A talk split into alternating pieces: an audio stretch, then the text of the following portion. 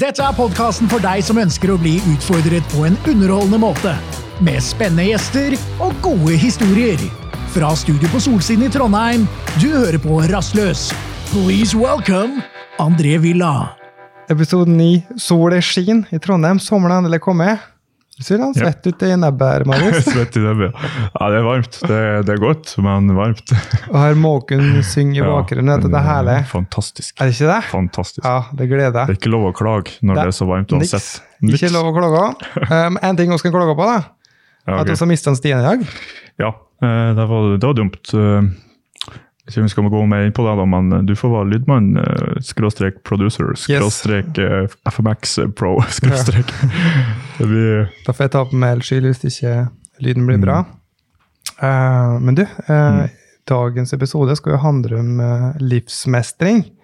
Yes. Eh, ganske vidt tema. Eh, Men vi må ha et vidt tema når vi får en såpass kunnskapsrik eh, gjest på besøk. Ja, helt enig. Ja. Um, og som alle vet, så er jo liv, livet er jo dynamisk og, og stappfullt med opp- og nedturer. Uh, så i denne episoden skal vi belyse tankesett og teknikker som funker når man ønsker et liv som da er menings, meningsfullt og fantastisk. Uh, det er jo, det her, suksess er jo fryktelig individuelt, da. Men det er ingen som uh, kan motargumentere med at uh, det ikke er en innhold lykke. Det å være glad det er i hvert fall det, det viktigste i livet mitt. Det å være glad, smile, ikke? Glad og vekt, vektig liv òg. Det er viktig. Og å ha ansvar er jo en del av det. Um, og dagens gjest som skal hjelpe oss uh, med dette her, um, han er ingen lettvekter. Altså, han er en, uh, en eventyrer, en polfarer, som sammen med oss er da nysgjerrige på dette med sjølutvikling. Han har et bredt kontaktnettverk over hele verden, som han har fått gjennom eh, deriblant 20 turer til Nordpolen.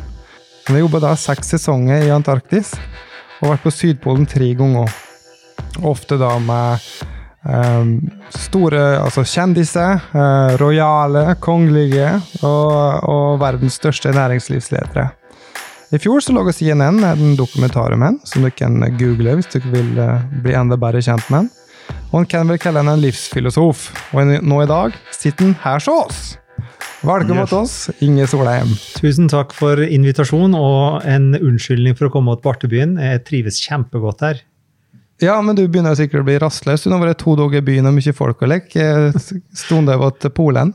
Jeg har toleranse for to dager i Trøndelag. Um, Jeg jeg savner Polen fordi at eh, årets Nordpol-sesong og Svalbard-sesong ble fryktelig amputert og avlyst eh, på grunn av eh, et lite virus. Så jeg har ikke fått vært på ordentlig lange skiturer i år, og det syns jeg er litt kjett. da. Men savner jo dette her eh, ligge i et telt og har ansvaret for mange personer, og så plutselig så begynner isen å bryte ned under det. Er det det du savner? For jeg hørte en historie om det. Kan det være det der, egentlig? Eh, Det er er mange historier for ute på Polhavet, for det byr på stadige utfordringer hele tida. Polhavet er det stedet jeg trives aller best, fordi at det er uforutsigbart. Det krever alt, det krever alt du har. Og når det er vanskeligst, så er det jo det som gir det mest eh, eh, liksom, følelse av mestring. Eh, sånn at eh, ja, Nordpolen, ja. Eh, Den historien du refererer til, tror jeg en gang vi lå i teltdupa her. Jeg har hatt med grupper til Nordpolen siden 1999, og i eh, jeg tror det var 2005, så hadde vi ei gruppe opp dit, og så lå oss i telt om natta i en storm. Og da er jo jobben min å passe på at vi har lagt teltet på riktig plass, og at vi er forberedt på det meste. Og jeg ligger da med litt var, da. Jeg følger med på hva som skjer eh, rundt teltet og legger ting, for vi må være va- var på både isbjørn og andre ting. Og midt på natta så våkner jeg av en eller annen eh, diffus grunn, og så lytter jeg på vinden, og så viser det seg at når jeg stikker hodet ut gjennom forteltet mitt, så ser jeg at det går en sprikk gjennom forteltet. Så da begynner isen å knekke opp under mitt telt. Og så trekker jeg opp ytterteltet, så ser jeg at is, den der issprikken fortsetter midt under teltet ved sida av. Og da har vi det travelt. Det er litt like, forholdsvis hektisk da. For det er 4000 meter dypt eh, kaldt vann, og du vil helst ikke at verken du eller de du har ansvar for, havner oppi der. Så det var ganske hektisk. Så jeg, jeg kommer ut og sover på sånn, og på tur ut døra så sier jeg til henne som jeg deler telt med, at en eh, må komme seg ut, og så begynne å trekke ut eh, teltplugger. For da må jeg da flytte vårt telt vekk fra sprikken og det neste teltet. Så hen eh, kommer seg ut etter hvert, henne, og jeg har fått opp alle pluggene på naboteltet og driver og drar det over med folk inni, over sprikken. Og så sier jeg at den, for da vet jeg at da oss redda, da, når jeg vet at jeg har fått det over sprikken, så sier jeg ta noen bilder, ta noen bilder. Men hen ble helt frosset og sto helt dørgende stille og bare så på. Fordi at folk, folk responderer på kriser på så fryktelig forskjellig måte. Og hen da vokser sterk og, og handlekraftig fyr. Hen ble så overvelda av den situasjonen her, som var ny og skremmende, at den ble bare stående helt eh, fysisk lamma. Og Det var en interessant opplevelse for meg, og så debrifa oss og prate om det etterpå. Og hen har gjort mye og søkt på mange situasjoner da, for, å, for å kunne overbevise seg sjøl om at neste gang slike ting skjer, så fryser den ikke. Ok, men du, er det slik at har du vært borti situasjoner der det er, altså været, været kommer inn på dere, det har blitt skikkelig kritisk, og folk nesten har, uten navn, da, har liksom brutt sammen, og du må få dem på føttene altså mentalt da, for å komme videre? Det, der, der, skjer, det skjer ikke så ofte som en skulle tro, eh, men det skjer, ja. Ja. Og, og, da må man bare håndtere den situasjonen. Folk er så fryktelig forskjellige, og noen da responderer godt på litt uh, timeout og ro. Uh, og da kjenne på at jeg er trygg og, og komfortabel. Mens andre responderer best med spark i baken. Nå når for til helvete kommer du opp at og slutter å synes synd på deg sjøl. Hvordan funka best på det der, Marius? det er et godt spørsmål. Jeg tror egentlig ikke jeg trenger egentlig en streng leder sånn sett. Jeg tror egentlig men det er vanskelig å si, altså. Det, kommer, det er sånn at du stopper en plass, Hvis du stopper en plass, da, stopper opp. Så jeg trenger egentlig heller veiledning. Litt mm. sånn direkte og, og gjennomtenkt. Trenger ikke så mye sånn tull og fussfass. Liksom. Som, jeg, som jeg prater til fireåringen min, kanskje. Ja. Du Marius, nå, nå er det bare litt bortover deg, skal du få sjokolade. Ja, sånn, jeg tenker litt sånn rasjonelt og direkte. Sånn OK, nå har du gått altfor sakte, da må vi øke farta. Trenger ikke noe sånn Mm. Jeg vet du kan bedre. Ja. jeg, jeg, tror, jeg, tror, de fleste responderer på litt like der, eh, nøktern eh, veiledning, og så, mm. og så er det noen som da ikke responderer godt på å bli fortalt hva de skal gjøre. Men, mm. men dette er fin ut under treninga.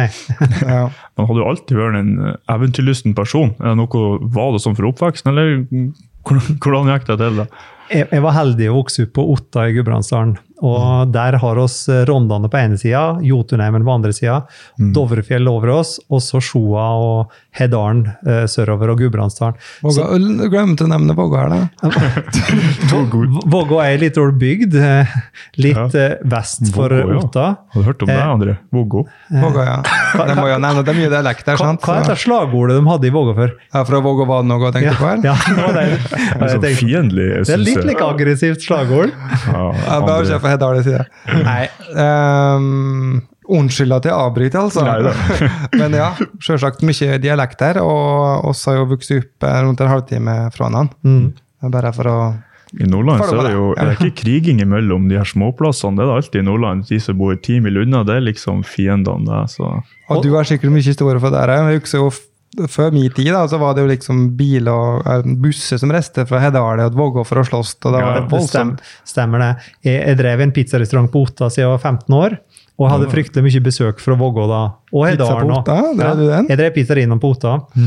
eh, i mange år, og så tok broren min over etterpå og drev den i tolv år til. Så jeg har pizza i blodet. Mm.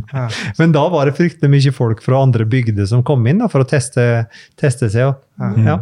Det var interessant. Sånn blir det. Men Attende Vågå store fjell, da. Hva var det du var der? Eh, du, ja, du sa du vokste opp der. og Hva, hva hadde egentlig betydd for det å vokse opp der? Og hva kan det forme deg til den polfareren du er i dag? Jeg, jeg tror at um, historier fra min bestefar om natur og polfarer og norske helter og vikinger og like ting, det mm. ga meg en, en voldsom like, der, eh, sug etter å oppleve de tingene som jeg kunne høre om i historien.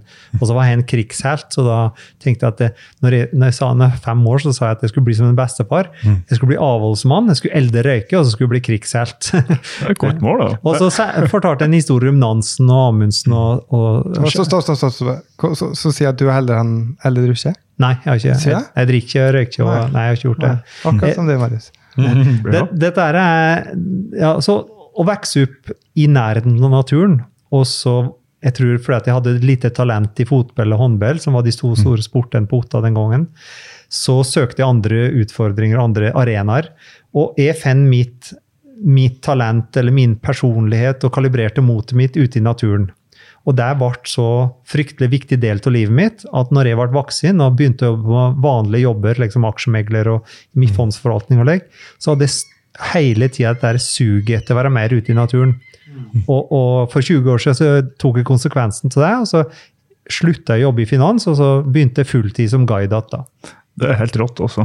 Det er ikke mange som tør det.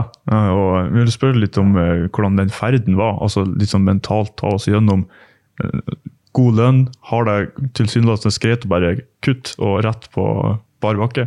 Der, der, du, der du får til å jobbe i finans og slik, er jo uforholdsmessig godt betalt for en slett jobb. Og, så, og så har det litt status.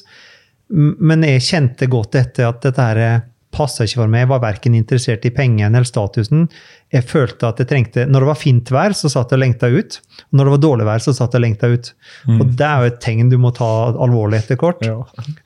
Så det, det var egentlig ganske lett valg. Og så så det dumt ut i mange år, for jeg gikk jo fra da millionlønn til null. Og så måtte jeg begynne å bygge meg opp igjen. Så det tok jo 10-12 år før jeg begynte å tjene brukbare penger igjen. Men jeg var jo lykkeligere da enn jeg var før. Ja. Så det betyr noe, det òg. Men, men kan, gikk du fra deg da til å da lede altså prins Harry, altså store folk over Kan kom du i kontaktnettverket? Kan du fikk dem som kunde, liksom? Jeg, jeg, jeg tror jeg delvis eh, litt like flaks at jeg var på riktig sted til riktig tid. Men eh, det eh, utløsende faktoren var at jeg hadde jobba intenst med å søke mange forskjellige turer og utfordringer. Altså og selv om jeg, tok på meg oppdraget og ikke tjente noe særlig penger på det, men da akkumulerer du erfaring, og plutselig en dag så var det jeg som hadde mest erfaring. Og så fikk jeg da spennende oppdrag, og så leverte jeg på det. Og så fikk jeg nye oppdrag. Og det, det mest inspirerende eh, mile, mest inspirerende milepælen i livet mitt, det var i 2005, når vi skulle spille inn en eh, TV-serie for BBC som het Blizzard Race to the Pole. Da, da rekonstruerte oss kappløpet til Sydpolen med et norsk lag og et engelsk lag i samme utstyr og maten og alt som de hadde i 1911. Og så var det en tre måneders tung, vanskelig ekspedisjon, som da ble eh, vist til mange millioner TV-seere og slik, og så plutselig så hadde de da et lite fundament å bygge videre på. Kan jeg spørre, Hva var det du savna mest i moderne utstyr på den turen? Det var fryktelig lite moderne utstyr jeg savna. Eh, ting var tyngre, men det var fryktelig godt å bruke. Det var eh, bomullsanorakk, det var eh, reinsdyrsovepose, selskinnsdress, slike ting. Det var mye tyngre enn dagens moderne utstyr, men det var ekstremt funksjonelt og godt. da. Eh, Det jeg savna, var mat, rett og slett. For jeg åt, eh, jeg åt en fettfarse som heter pemmikan. 450 gram til deg om dagen. Og havrekjeks og mjølkepulver og litt uh, kokesjokolade. Det var Tre, tre måneder? Tre måneder, ja. Og det var fryktelig, fryktelig ensidig kost. Så jeg fikk mat, matfantasier. Gikk ned ni kilo, og så fikk en del matfantasier. Selve skituren var bare på 62 dager. Eh, Men det var liksom en ganske edruelig etappe om dagen da, i 62 dager i strekk. Så det var Det var jo ikke så lang skitur, 62 dager. ikke du? Andre uke var på lange skiturer, du. Jeg er litt i underkant av 62. Ja. Ja, det er. Rett i underkant. Du er liksom, Når de er ferdige på Farmen, så er de like der Ja, sjokolade, pizza og det Kan være det komme i mål hjemme å fråtse du. Jeg hadde rare matfantasier. Jeg våkna på en natt at jeg tygde på soveposen min. Eh, og da prøvde jeg å huske hva jeg hadde drømt om, men husker jeg ikke. Men hele dagen etterpå så gikk jeg og tenkte på chicken tikka masala. Ja. Ja, pus- Pussige greier. Og rødost tenkte jeg mye på. Rauost, ja. Mm. Brunost, som så andre sier. Rauost, ja. Det har jeg ikke hørt om i Nordland. Det finnes mange ting du kan bare få med så søke ut i naturen, som folk betaler, betaler dyre dommer for. Jeg tror at hvis folk hadde vært litt mer ute i grønn, grønn skog og litt mer skiturer, så tror jeg at både psykologer og farmasiselskaper hadde gått konk. Ja, ok, såpass. Det var statement, det. Men, mm. ja. Ja, men jeg tenker det. Hvis jeg går 62 dager på ski, og det er ingenting vondt med, og du går og du går og du går Så Min største, største frykt er å kjede deg i hæl med. Altså, kjeder du ikke når du er ute der? altså? Eh, Jeg vet ikke, jeg tror ikke jeg har kjeda meg noen gang. Ja. Nei, jeg tror at når det slutter å skje noe på utsida, og når jeg ikke blir stimulert fra utsida, så skjer det noe at det blir en slags Da åpner seg et jævlig Er det lov å si jævlig på Her podkast? er det lov å si. Ja. Lov. Da åpnes et jævlig interessant landskap inni hodet og i kroppen, eh, som jeg da utforsker. Tanker, og du, du får da tid til når du, når, du ikke, når du ikke har noe støy og noen som vil ha oppmerksomheten din, så får du tid til å følge en tankerekke fra A til Å uten distraksjon. Og det er en luksus. Er Da kan du gå gjennom gamle kontaktlister på telefonen din, tenke på gamle relasjoner, slektskap, folk som er døde, folk som du gjerne har lyst til å ha mer av i livet ditt, osv. osv. Og, og, det og, og bearbeide gamle følelser. Det haster ikke med å bli glad, og det haster ikke med altså, noen ting, liksom. Du har, du har 10-15 timer om dagen du bare er for deg sjøl og tusler. Jeg tror de har ekstremt mye å lære. Altså, ikke, skal ikke si dagens ungdom, men de fleste folk. Det er så ekstremt mye som skjer. De har nesten aldri tid å være i sitt eget hode. Det, det er ikke tid til det. De er enten på jobb, skal sove, har tenkt å sove, har tenkt å lage mat. De har aldri fred. Så altså, mange mediterer jo, sånn som jeg gjør. og du, Har du begynt å meditere? Nei, jeg, jeg har meditert mm. uh, flere år, men uh, med visualisering, da. Ikke den her meditasjonen der du liksom Ja. ikke tenker på noen ting. da. Jeg syns det er så viktig. og så, så er egentlig et spørsmål Har du noen tips? De, for alle burde oppleve det her. Så når du drar på Nordpolen, er det noe substitute? Er det bare å rett i skogen, eller har du noen tanker om det? jeg, jeg tror det er at uh, folk finner de tingene på forskjellig måte. Det er mange som har spurt meg om jeg mediterer. altså Det tror jeg jeg gjør, men jeg setter ikke noe jeg, altså, jeg setter ikke det på programmet mitt at jeg skal meditere en time eller to. Liksom. Men jeg har, jeg har sørga for at jeg har organisert livet mitt på en slik måte at jeg har mye plass til å være i meg sjøl og for meg sjøl. Eh, hvis jeg reiser til Trondheim, f.eks., så har jeg en avtale med dere. Og så booker jeg ikke ti andre avtaler, like der jeg, for da er jeg alltid forsinka, liksom halse etter det neste. Men jeg prøver å ha god plass i livet mitt, og jeg har den luksusen at jeg kan gjøre det, for jeg eier min egen tid. Er Når, når du sier, når du sier liksom de unge, så for det første høres du fryktelig gammel ut, du er jo en ung mann sjøl. Eh, men det, er- det jeg tenker er at det, er, det fins mange forskjellige måter å finne de tingene på. Og så tror jeg at den luksusen eller den heldige situasjonen jeg har nede på ekspedisjon, den kan replikeres. Mm. Det mest ekstreme i forhold til dette med altså trekke seg ut av støyen og The Matrix, det er jo å dra ut i rommet, f.eks. Og da for, eh, for mange år siden, når, på 60-tallet, når, når både USA og Russland sendte astronauter og kosmonauter ut i rommet, så ble de debrifa før og etter tur. Og psykologer på begge sider av jernteppet da kunne beskrive et fenomen som de kalte the overview effect. Så hvis du forlater stresset og det daglige jaget og alt dette her her nede på landjorda, og ser det på utsida, fra utsida, så ser du både på jorda og deg sjøl på en ny måte. Det er perspektivet, den fysiske og mentale isolasjonen du får fra The Matrix, eller fra, fra dette her, da, som også opplever eller oss i dagen, det gir et annet perspektiv. Men det vil du òg få hvis du hvis du tar det sjøl, trekker det sjøl Og så har alle sammen opplevd nå en ekstraordinær situasjon i forhold til det der ko- covid-19, eh, eller pandemien. Eh, og så har for mange da vært i usikker, en usikker situasjon, Vi vet ikke hva som skal skje. Hvor, hvor, hvor farlig er dette? Hvor lenge skal vi være isolert? Hvor mange av mine foreldre eller besteforeldre skal rammes av dette? Og hva får jeg sjøl? Den situasjonen har kanskje tvinga oss til å se på oss sjøl og livet på en ny måte. Eh, og der tror jeg at vi kan gjøre det under trygge forhold, ved å så bare ta en liten timeout og brekk. Bryte handlings- og tankemønster i ny og ne, bevisst. Det er jo det denne podkasten handler om òg. Å kunne justere. Og, og noen ganger for å nå det, da, så må du kanskje den ut av komfortsona. Eh, Og første episode det handler jo om å, å være utenfor, utenfor komfortsona. Og du er jo på eventyr rett som det er. Og en del av de turene, i hvert fall i starten, måtte være utenfor komfortsona. Du visste hvor målet var, men du visste ikke hva som skjedde, hva som skjedde mellom start og mål.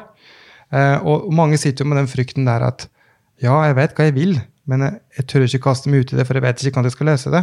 Mm. Eh, men har du noen tips til dem eh, som eh, har lyst til å komme ut av komfortsonen for å ut på et nytt eventyr for å så, og utvikle seg sjøl? Den frykten hun sitter med, har du noe Jeg tror du beskriver en veldig vanlig menneskelig begrensning. Det er at oss blir stuck i, i tanke- og handlingsmønster som er vanskelig å bryte fra. Og det kalles komfortsone. Det kalles òg litt like der, kanskje tankebaner, da, som oss blir oss får like måter å å gjøre ting på, og automatiske reaksjonsmønster som veldig ofte begrenser oss. De er ikke, de er ikke riktig for den situasjonen vi er i.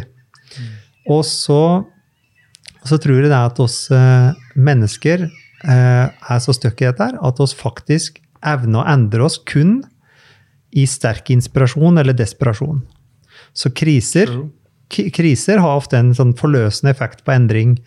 Eh, en sterk forelskelse med den usikkerheten og alt det som ligger i det, kan ofte forandre folk og, og tvinge folk til å se seg sjøl i et nytt lys og revurdere hvem de er og hvordan de gjør ting. Og, og, inspirasjon og desperasjon skal, Jeg mener ikke at du skal søke etter desperasjon og farlige situasjoner, men utafor komfortsona at tvinge seg sjøl. For den er, den er så dynamisk, den komfortsona, at hvis du ikke utfordrer den, så krymper hun. Den, det er en slags strikk. Hvis vi dytter på den strikken, så bare blir den mindre og mindre. Og der det, det ligger så mye gevinst på andre sida av komfortsona. At eh, det føles så godt å ha pusha forbi og ut over den, at hvis folk begynner å teste i det små og får en smak på det, så blir det en slags eh, livsstil. At, så nå begynner det små, og så ikke tro at en trenger en revolusjon med en gang. Kanskje justere litt. Mm, jeg er helt enig. Er, jeg syns det er interessant det her med komfortsone, for mange vil jo beskrive at den automatiske hverdagen vår er veldig behagelig. Og så er det egentlig å tåle emosjonelt stress. Det er jo egentlig det man må gjøre når man skal komme ut av komfortsonen. Og hvis man tåler nesten sånn kombinasjon av disiplin og uh, sjølpining, kontrollert sjølpining liksom, Om du skal skrive en bok, lage en podkast, et eller annet, så tåler å og gjøre noe du sjøl syns er ubehagelig. Og et kult tips da, som jeg har fått av en kompis, det er at hvis man skal gjøre noe nytt, du kan ta en kalddusj med en gang du står opp, for da får du prima deg sjøl og gjøre noe skikkelig ubehagelig. Og da blir det enklere å gjøre det uh, utover dagen. Mm. Hva var det at jobbintervju, noe nytt? Ja, det er, og når sjøldisiplin er altså Sjøldisiplin er jo på en måte som en muskel, og bruker den ikke, så blir den bare slapp. Men, eh, og det er jo mm. det er jo noe som ble utfordra nå med pandemien som har vært. Folk har blitt begrensa. Treningssenteret har vært stengt. Nå åpner det en mandag, treningssenteret. Hurra for det. Og nå sitter jeg her da, som driver driver- går på, går på ski overalt. Trenger ikke noe treningssenter, tenker jeg ennå. Jeg, lik, jeg liker å gå på treningssenter, Ja. jeg både sosialt og så liker jeg å pushe muskelen til bristepunktet. For at jeg, altså, komfort er fienden. Ja visst, det. Ja, Du vet hvis du ikke intellektuelt eller fysisk pusher deg sjøl, så er du faktisk i decline. altså Da, da forfeller du. Både, me, både mentalt, altså intellektuelt, mentalt og fysisk. Kroppen vår er en fantastisk eh, instrument og eh, skapning. Eh, ekstremt kompleks, men ganske enkelt. at Hvis, du, hvis det ikke er nytte for noe, hvis det ikke brukes, så forfeller det.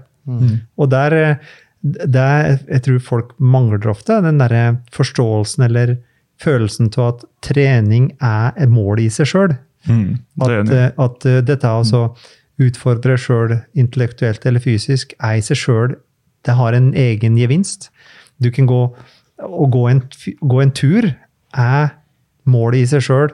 Enten du når en fjelltopp eller Nordpolen eller det er på Instagram eller ikke inn på Instagram. Absolutt. altså liker den prosessen og gir deg det. Og det er jo det som ofte er på en måte den avgjørende faktoren for at det faktisk er dannevaner òg. Det blir ubehagelig i starten, da, så må man tvinge seg, lure seg sjøl litt i gang. Mm. Gjerne, jeg tror det er lett for mange som da, hvis vi skal begynne å gi råd, da, så tror jeg det er lett for, lettere for mange hvis de eh, setter seg ned sammen med gode venner, og så setter seg mål i hop, og ting de organiserer ting i hop. For det, den dørstokkmila er veldig vanskelig å tråkke over enslen, men hvis, hvis du vet at det regner i dag jeg har egentlig ikke lyst til å springe, men hun Lise eller hen Pål står og venter på meg ute i regnet, så jeg må, må få, få ut fingeren og komme meg ut. Lettere. Og så, og så får du en enorm mestring, når, mestringsfølelse når du har pusha deg utover den komfortsona. Og den joggeturen var faktisk den beste. Det var ikke den i steikende sol som var den fineste, det var den i regnvær. Men, eh, ja, men eh, så gir jeg deg gruppe og skaper motivasjon. En ting som har fungert for meg, er å bare første ting på dagen. Liksom, Mm. Hvis du har privilegier til det, da har alle. Eller kan stå opp og trene før en skal på jobb òg. Mm. Det er bare å belegge seg den tidligere. da. For mange så er det bare å ta 40, 40 squats før de går i dusjen, liksom. Ja, det har hjulpet mye òg, for, Ja. for som, som skjer noen ting. Men bare få det unnagjort tidlig i morgen. Mm. Sett på en god lydbok eller en god podkast, noe som kan fuele, gi deg energi. Mm. Og som faen, altså, du starter dagen så godt. Du får liksom, og da Kanskje du kommer hjem igjen, og så står da resten av familien opp. Og da er du alltid oppe, du er på'n, du er den mest positive personen i rommet, du gir energi istedenfor å ta energi. Og så går du på dagen med helt annet syn. da. Det er kjempeforskjell for meg. da. Så dette er en av de tingene som gjennom den perioden her har vært litt grann, like, eh, gått glipp av. Jeg har blitt helt sånn her rar form. altså Jeg føler meg rar altså over tid når jeg ikke trener. Så som jeg har nevnt til dere, så har jeg gjort noe kult å bare spise to ting. Skal jeg gjøre det 30 dager bare for å nullstille det. Mm. Og så tar jeg analyser av sjokket som skjer, med blodet, og eh, blodet, testosteronet og hormonene. bare spis biff og egg, kun det, Ja. i 30 dager. Så det er sikkert mange vegetarianere som blir veldig på med nå, men det er basert på Bullshit! Altså, du, har jo, du har jo ting som inuitter som bare har spist selkjøtt og aldri hatt hjerte-karsykdom. Og du har det her er jo et, et bombeområde av et tema. da, man eh, jeg tenker at man dør ikke av å gjøre eh, Jeg kunne ha fasta i 30 dager og eh, gått fint. Jeg, jeg har inntrykk av at dere begge to er litt mer over middels drevet. da. At dere, tar- initiativ og legger. Altså, mange vil jo bli veldig passifisert av like, koronalockdown eller isolasjon. isolasjon. Uh, og, men dere har jo tatt initiativ til en podkast og mye annet rart. Um, for, for fryktelig mange så fins ikke det initiativet naturlig til dem.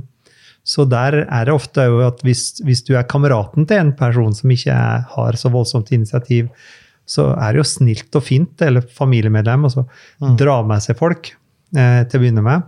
Mm. Og så tar det kun liten tid når folk får oppleve mestring på ting, og så eh, endre vaner. Eh, tar litt tid. Eh, men når, når du får positiv respons på det, og universet gratulerer deg, liksom, så da vil du gjøre mer av det. Bra, Mye bra som kommer opp her nå. Um, altså, også Temaet vårt i dag er jo livsmestring, eh, Inge. Inge. Rart så er Inge like by. Inge. Inge. Mm. Hva sier du? Inge, sier jeg da. Sier Inge? Inge, Inge med G. Ja. Det er typisk det å begynne å henge det opp i sånn uttalinger.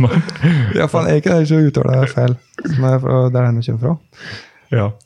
Uh, og det er jo ikke klart at det er klart Du får jo tenkt gjennom livet da, når du går 62 dager ute og ser en ting. og reflektert. Ja. Eh, så her har du jo en del å komme med. Eh, og hvis du da er den piloten som sitter i cockpiten og skal justere og styre ditt eget liv, så handler det om balanse. Ikke for mye til ting, ikke for lite til ting.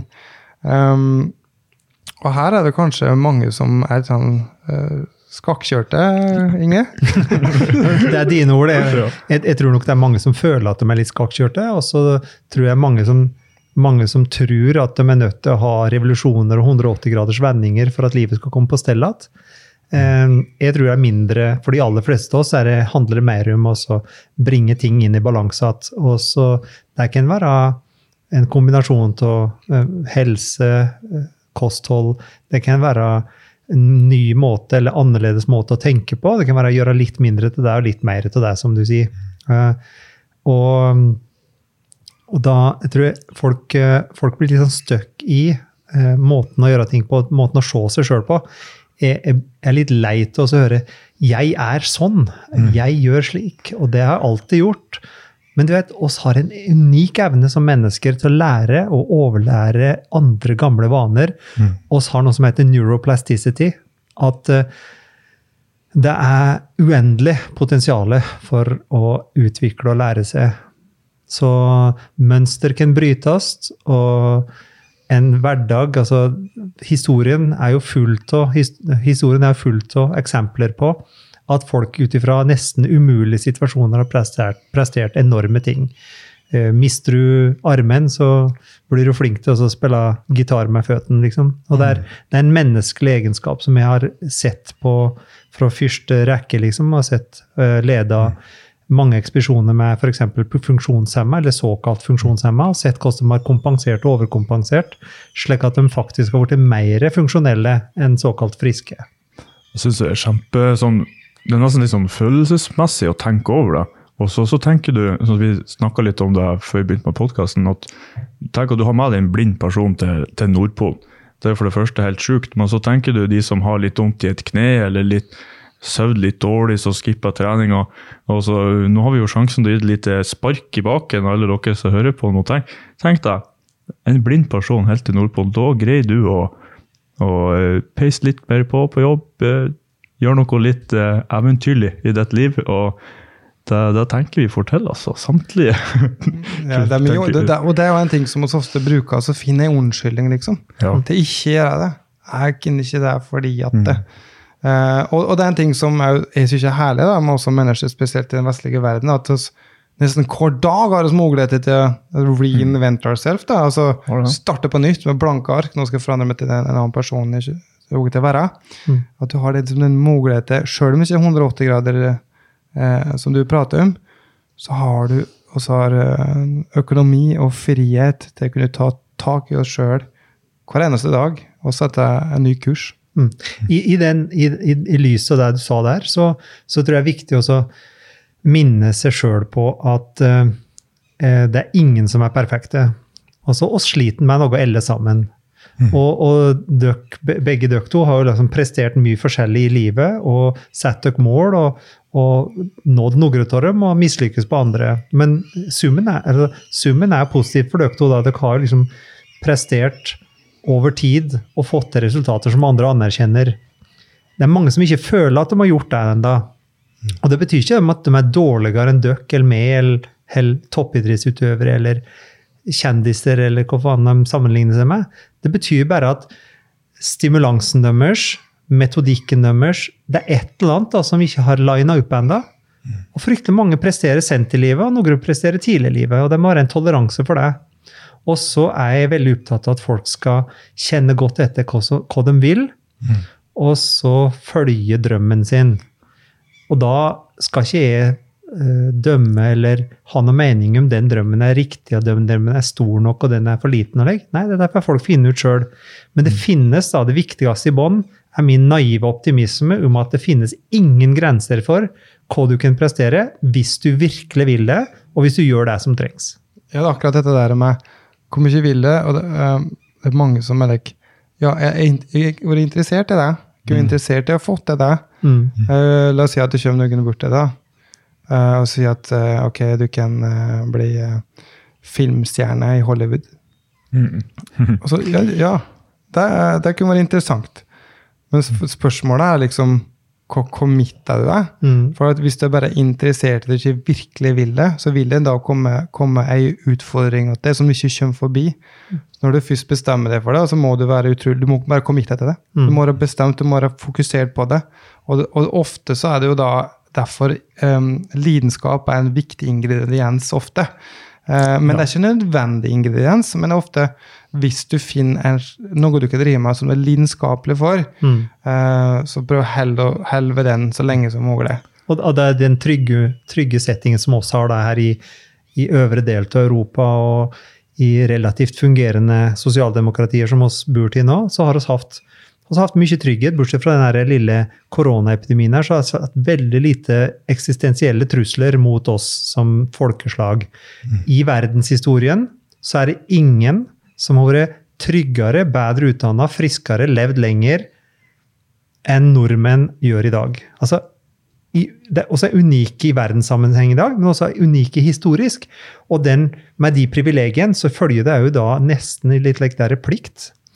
Ja. En om at vi skal dele med av de verdiene og ressursene som vi har. Men det andre er at vi må for til helvete leve ut potensialet vårt.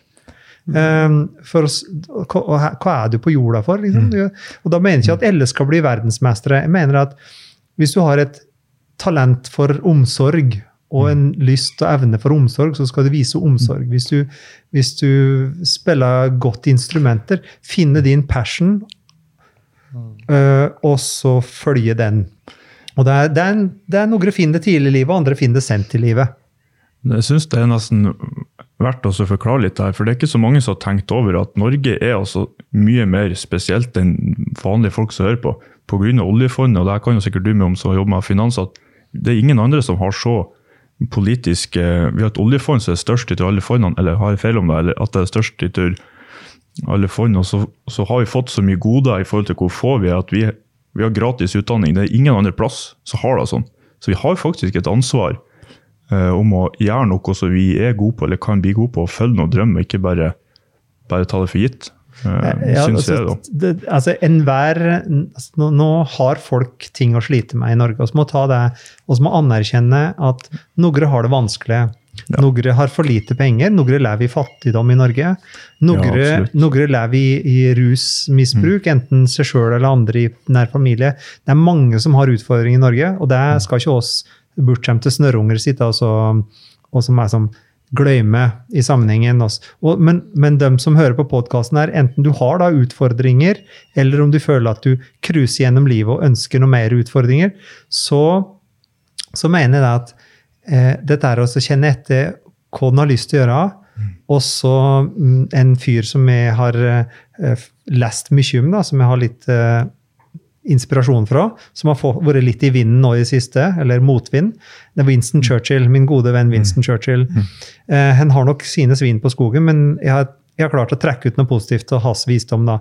Han sa det at noen ganger så er det ikke nok å gjøre sitt beste, en må gjøre det som trengs.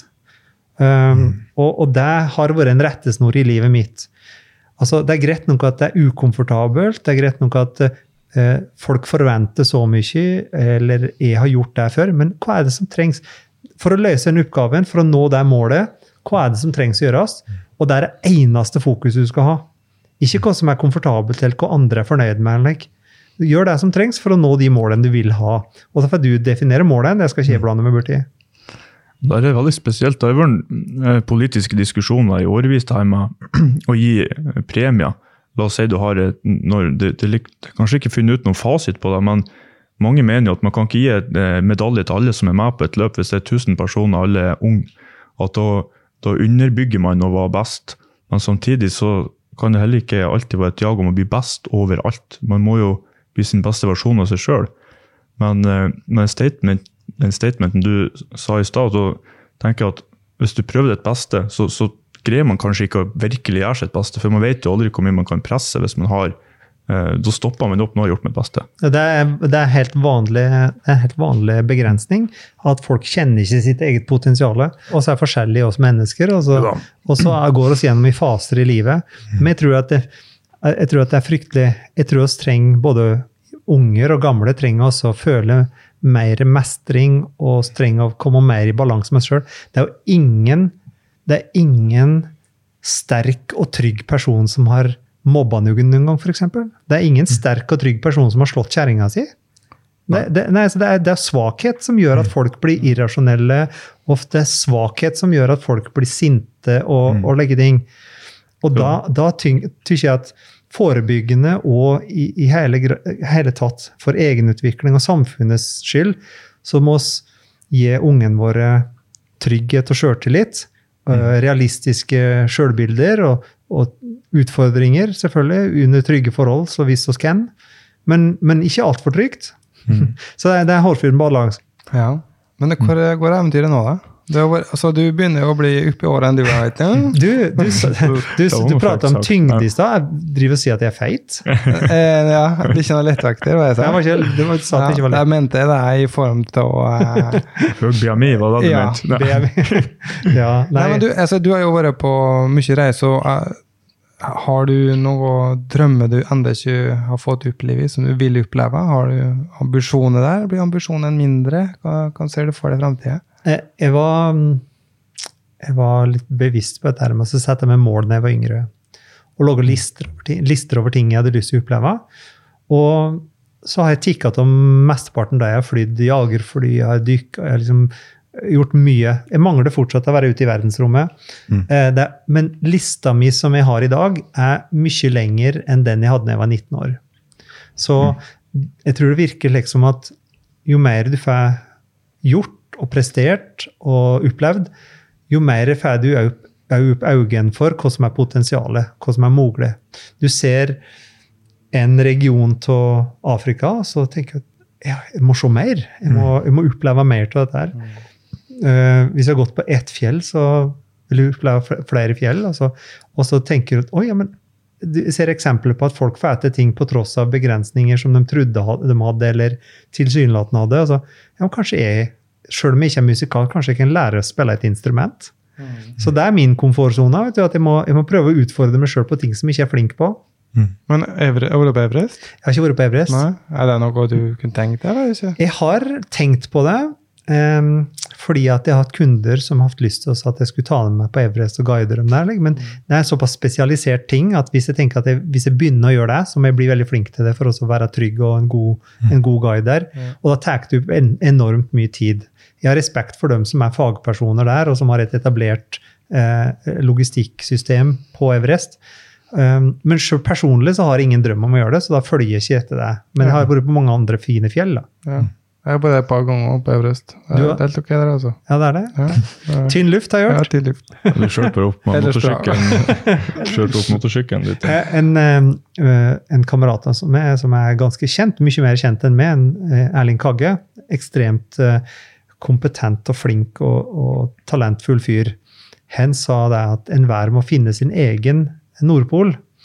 Eller sin egen Everest. Altså disse symbolene, altså Nordpolen, Sydpolen, Everest og like, Det er veldig tydelige symboler på prestasjon og, og utfordring og artlek, men de har, in, de har ingen større verdi, dem, enn å så- enn å lære seg noe, eh, noe nytt. Altså, altså, andre folk kan finne andre mål som er mye viktigere for dem enn Nordpolen. Og jeg, jeg, er like, jeg er like imponert, eller mer imponert, da, over en person som dedikerer seg til omsorg for slekt eller andre. Eller, altså, nå, nå, nå har oss mange eksempler på folk som presterer daglig mer enn en polfarer re- presterer på et liv. Da. Ja. Mm. Hva er din Everest, eh, Marius? Nei, jeg har ja, Det er vanskelig å si, men jeg har noen slags sånn, eh, sånn dype eh, kan kalle det slags eh, underliggende årsaker til at jeg gjør de tingene jeg gjør. da. Og, men de, de, er, de er ganske generelle. Jeg vil egentlig prøve å mm, først oppnå personlig frihet, så jeg får frigjort tid. Så jeg kan sette meg i posisjon der jeg kan hjelpe eh, flest mulig folk på best mulig måte. Podkasten er jo en del av de tingene, og bøker som jeg skal skrive. Men eh, jeg, har, altså, jeg er en prosess å finne ut hvem jeg skal hjelpe, og hvem jeg passer best til å hjelpe, hvis du skjønner. Det er litt derfor at eh, jeg holder på med eiendom og sånn her, det er for å frigjøre tid. Det er ikke fordi eiendom er det artigste i verden. Det er mye som er artig. og altså, For å få et meningsfylt liv, så føler jeg at du må bruke altså, på en måte Min definisjon av et meningsfylt liv det er å, å jobbe med dine egne personlige egenskaper som du allerede nei, er litt god på. Du får de så sylskarpe som du kan, og du bruker det til å få verden så mye bedre som du klarer på den tida du har. liksom. Eh, Det kan være, det bygge skoler i Afrika med plantehager så de får gratis mat. Det kan være at du er flink å forhandle og selge, så kan du få penger å bruke på veldedighet. Du har Altså, du må finne ut hva du er god på, og så finne ut hva du kan bruke deg best mulig. rett og slett. Så bra. Så var det et utrolig bra svar. Fryktelig altruistisk og fint svar. Ja. Og, og, og det, er, det er en fin drivkraft, tror jeg. Eh, Ja, jeg tror, hvis, hvis du er trist og lei deg, eh, den tror beste måten du kan bli glad på, er å hjelpe noen. Ja. Eh, Det er mange som søker, søker medisin mot depresjon og tristhet i seg sjøl, men, men dette er eh, en magisk eh, måte å faktisk eh, føle seg bedre på. Det er flytte fokuset ut fra seg sjøl og så eh, dele med andre og, og hjelpe til å leke. Eh, undervurdert medisin. Det, jeg må si et lite eksempel som er veldig spesielt. Det er veldig, eh, veldig rart, men det var noe som skjedde for mange år siden. Jeg tror jeg var 16. Og Da sto jeg i køen til noen. Det var, jeg sto bak en person i køen som var kanskje ti år. Og han, Det var veldig søtt. da. Han hadde med seg en kjæreste, en slags, og de var ti år sikkert. Han hadde med seg en pizza, to brus, og de skulle tydeligvis på en slags date. Og kortet hans ble avvist. ikke sant? eh, jeg tenkte inni hodet hans var helt krise. Så om det jeg gjorde da, jeg, pikka han, han eh, i skjorta, så snudde han seg seriøst sånn her. Det kosta 100 kroner han skulle ha, eller 80 eller noe. Så fikk han den, og så gjorde jeg sånn her. Så, Så, så, så dama ikke skulle se det, og i, i kassa flira der. Så betalte han det, så får de jo så, altså man liksom, Det betyr ingenting, det er 100 kroner. Men eh, på en måte du, du får en sånn slags type følelse som du kan eh, bruke på noe eh, senere. Du får en sånn Ja, nå har jeg hjulpet han, det var sikkert. Eh, eh, Det, det der er, ja, dette der er gull verdt. Og så, Unikt. Ja, og så- gjøre det på og så- og så har oss da, I løpet av en dag så har vi så mange anledninger Mm. til å gjøre slike ting. Enten det er med penger eller fysisk, å hjelpe noen å bære noe, eller et eller annet. Men vi har mange anledninger til å få spre positive spiraler rundt oss sjøl. Og ripples in the water, som de sier. Mm. Det er den derre å se de tingene og se de mulighetene, det er en unik egenskap. Jeg liker fryktelig godt er jo en annen ting som japanerne har satt et ord på, som heter intoku. Og som da oversatt betyr å gjøre noe snilt og godt noe i hemmelighet. Ja. Og, og Ja. det er det mest, det er det mest magiske. Å hjelpe noen uten at de vet det. Nei. Hjelpe noen uten at det står på Instagram, eller hjelpe noen uten at du trenger å si det til noen etterpå. Intoku er en magisk greie. og det, eh, Hvis verden hadde hatt mer intoku, så tror jeg det var en bedre plass. Denne historien er jo bra. Eh, jeg, jeg, jeg liker å være intoko. intoko. Intoku. ja. Da må jo alle bli bedre på. Nå ødelegger historien min, da, og jeg forteller historien nå, da. Ja. Jeg kjører på. Nei, nei men, uh, men den, den følelsen som du hadde der, Marius, når du ga fra der ubetydelige beløp Ja. Men det er så sjelden ikke borti det. Og, men den, den trigga noe inni oss, altså. Jeg husker det var, jeg vet ikke om det var første eller andre VM-runde i Venn. Det var i Fortaleza i Brasil. Fotballstadion og kjørte en event. da. Eh, og, og så var det siste VM-runda det året. Eh, så det ble liksom feiring etterpå. da. Feiring og kolas og drakk og kosa. sant? Og så skal vi gå hjem fra fest. Um, og så er det forskjell på folk som tigger. Som er liksom, og, men jeg er en slik person, da. Jeg lover meg sjøl at hvis noen ber, så skal de få. Mm. Så jeg, jeg, jeg, jeg støtt, liksom. Det er nesten for mye. Um, men det som spesielt den kvelden her, var at det var ei dame som knapt nok hadde klær på seg, som drev og feia og rydda gatene. Og forskjell, da. Mm. Så hun satt ikke liksom bare med hånda og venta på at noen skal gi henne skilling. Men hun jobba. Så virka at hun jobba, da. Og jobba for skillingene sine. Tenkte, og, så, så var det liksom, du vet, det var en annen valuta, og skulle fly dagen etterpå, og så bare liksom tok en i bukselomma. da, og så jeg egentlig ikke etter hvor mye jeg hadde, men det var rundt 1800 kroner kanskje, da, som jeg hadde bare liggende i lomma. Tok festskilling, sant. Um, country based on cash. Og så ga jeg det til henne. Bare liksom, du, vil, du vil at du skal ha det her, liksom, for du jobba så hardt. Skjønte sikkert ikke hva jeg sa da. Men da var jeg der Madre mia! Altså, Ja. ja, det var ned på kne også. Den følelsen det gir det. Um, det inspirerer jo det til, og kanskje den hundrelappen du ga bort der, har inspirert deg til å gjøre større sånne ting. da. Jeg syns det er det- spesielt man husker det ennå. Det er en ting, liksom Du husker Ja. det veldig klart. eh, Så jeg, jeg tenker jeg skal faktisk, så jeg fant ut nå, jeg skal sette et nytt mål. Jeg skal gjøre det her på fast basis på kalenderen. For jeg har en kalender for alt. Hvorfor har jeg det? Ja. Når jeg ikke har uh, Hvorfor er ikke det her på kalenderen min? Jeg har rare ting på kalenderen som ikke som kan flytte plass. liksom. Bra. Åh, skal vi sitte her eh, utrolig lenge, men oss uh, må inn på redskapskassa, Mm. Ja. og den kommer nå. Welcome to the Toolbox, where we're going to show you how to use your tools correctly. Like we say in America, you can lead a horse to water, but you can't force him to drink it.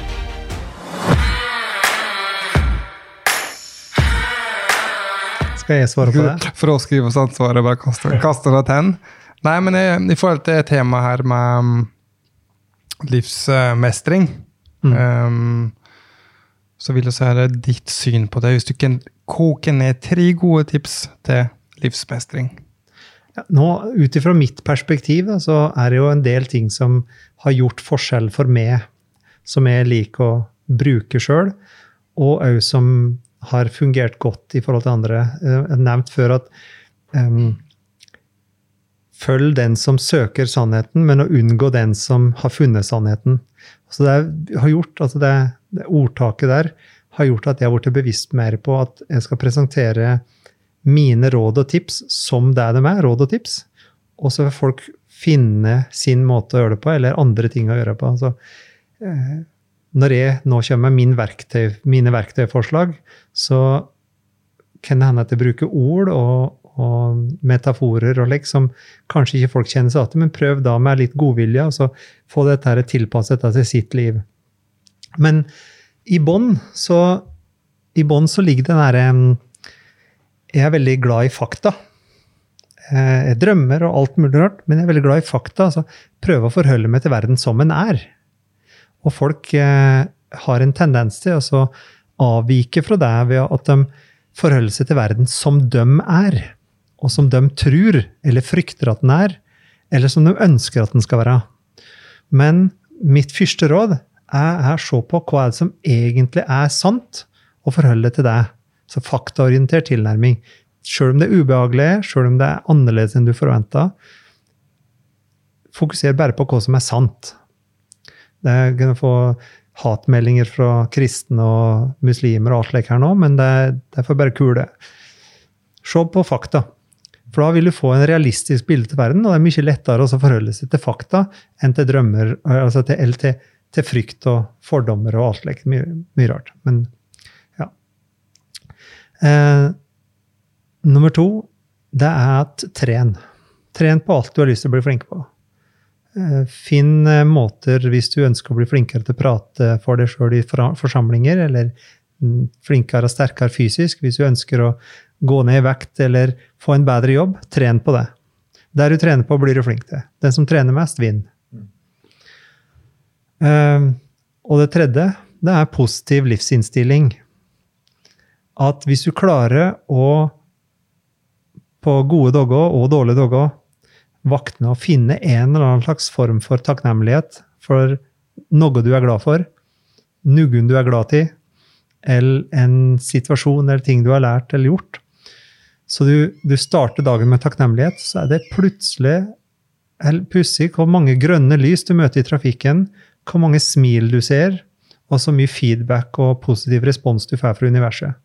Så positivitet eh, misforstås av pessimister, misforstås som naivitet. Men det er ikke det. Det er bare en, det er en, det er et aktivt valg om å finne positive ting og glede i små ting der det er vanskelig å se. Ja. Interessant det der med, med positivitet som blir sett på som en svakhet, og spesielt i USA. Jeg vet ikke hvor mye det har vært der, men, uh, ydmy, ja, det er sikkert kjempemye.